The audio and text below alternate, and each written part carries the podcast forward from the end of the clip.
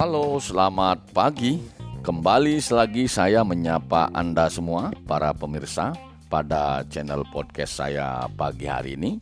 Hari ini hari Selasa tanggal 16 Maret 2021 jam uh, 07.45 menit waktu Indonesia Tengah.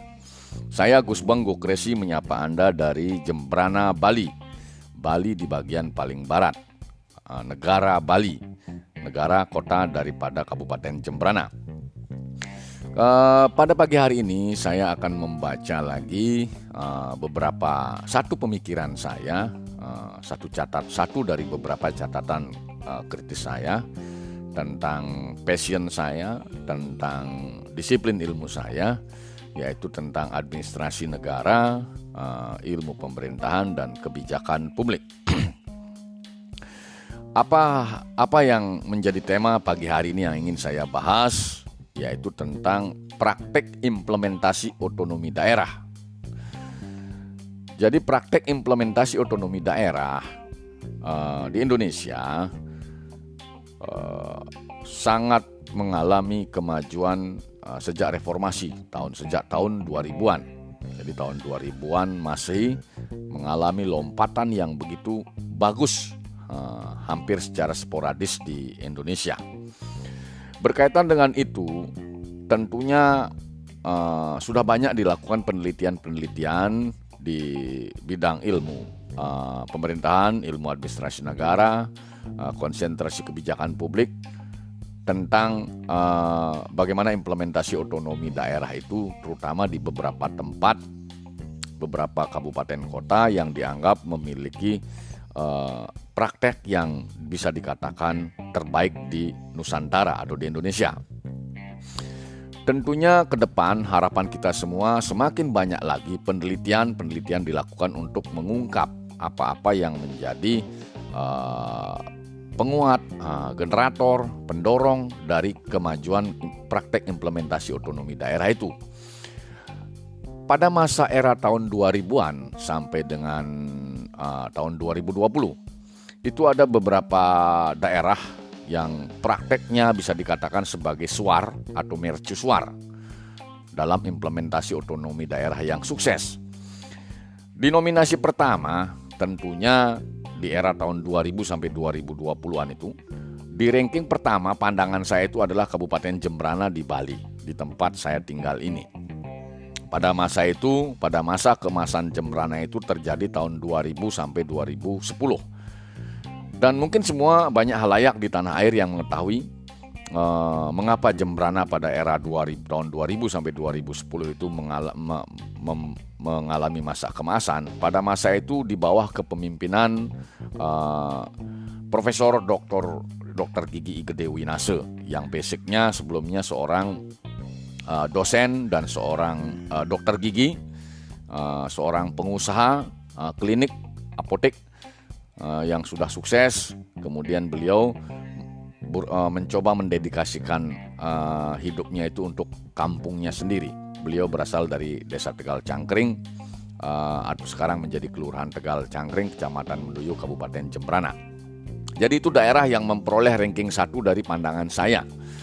Dan banyak uh, contoh bukti uh, mengapa Jembrana sebagai mercusuar pada masa tahun 2000 sampai 2010 itu Salah satu indikatornya hampir semua kabupaten kota sudah berkunjung ke Jembrana untuk mengadopsi bagaimana Jembrana bisa membebaskan SPP, membebaskan biaya pendidikan hingga SMA, kemudian mem memberikan peluang pekerjaan, mencarikan peluang pekerjaan kepada uh, masyarakat atau generasi mudanya. Jadi itu terjadi pada era pemerintahan Profesor Winase.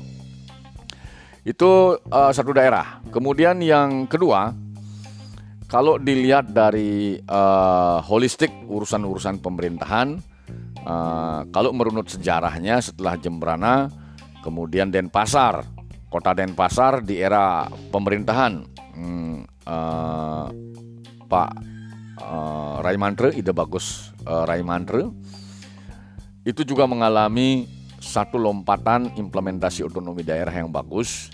Hanya saja pandangan saya Eh, sesuai dengan ekspor keilmuan saya tidak sekompleks apa yang dilakukan Jembrana. Denpasar itu lebih fokus kepada uh, urusan-urusan pelayanan publik sama uh, penguatan atau perbaikan fasilitas pelayanan publik. Jembrana uh, Denpasar memiliki uh, kesamaan dengan Surabaya di masa pemerintahan Ibu Tri Risma hari ini, Tri Risma, dan juga memiliki hampir kesamaan dengan era pemerintahan uh, Ridwan Kamil pada saat menjadi wali kota Bandung. Jadi mereka bertiga ini lebih banyak fokusnya itu penekanannya pada pelayanan publik dan uh, perbaikan fasilitas fasilitas publik. Jadi tidak selengkap apa yang dilakukan oleh Jembrana, itu pandangan saya. Nah, Jembrana yang notabene di sisi sebelah uh, baratnya itu hanya dibatasi oleh Selat Bali, itu ada Kabupaten Banyuwangi di era pemerintahan Pak Anas. Pak Anas pada era tahun 2000 kalau tidak salah 2010 sampai 2020 ini mampu membawa Banyuwangi menjadi suar nasional. Sepertinya Banyuwangi ini e, mengambil tongkat estafet dari Jembrana. Jadi Pak Winase habis di era tahun 2010, kemudian Pak Anas memulai di kalau tidak salah di era 2010 sampai 2020 di Banyuwangi. Dan memang implementasi otonomi daerah yang dilakukan oleh Pak Anas ini hampir menyerupai dengan Jembrana. Jadi dia urusan-urusannya itu tidak hanya bicara tidak hanya implementasi dalam pelayanan, perbaikan fasilitas publik tetapi juga urusan-urusan yang menjadi uh, apa namanya kebutuhan masyarakat. Salah satunya itu bagaimana membuka peluang usaha atau kesempatan bekerja kepada masyarakatnya. Jadi dua kabupaten ini, Jembrana dan Banyuwangi itu merupakan suar yang betul-betul mampu melaksanakan mengimplementasikan otonomi itu dengan maksimal. Nah sekarang pada era tahun kita memasuki tahun 2021 di mana Jembrana sudah ditinggalkan oleh Profesor Winasa, Denpasar ditinggalkan oleh Pak Rai Mantre, Surabaya ditinggalkan oleh Bu Tri, Tri Risma, kemudian Banyuwangi ditinggalkan oleh Pak Anas, kemudian Bandung ditinggalkan oleh Pak Ridwan Kamil. Pertanyaan berikutnya dari sisi keilmuan, daerah manakah yang akan meneruskan tongkat estafet lima, uh, dari lima daerah ini? Uh, saya berharap sekali tentunya apa yang dilakukan oleh lima daerah yang sudah bagus ini bisa dilanjutkan oleh uh, para kepala daerah kepala daerah baru yang terpilih kemarin pada saat uh, pemilu uh, pilkada serentak tanggal 9 Desember 2020 kemarin yang dilantik uh, pada bulan Februari dan Maret uh, uh, beberapa waktu kemarin.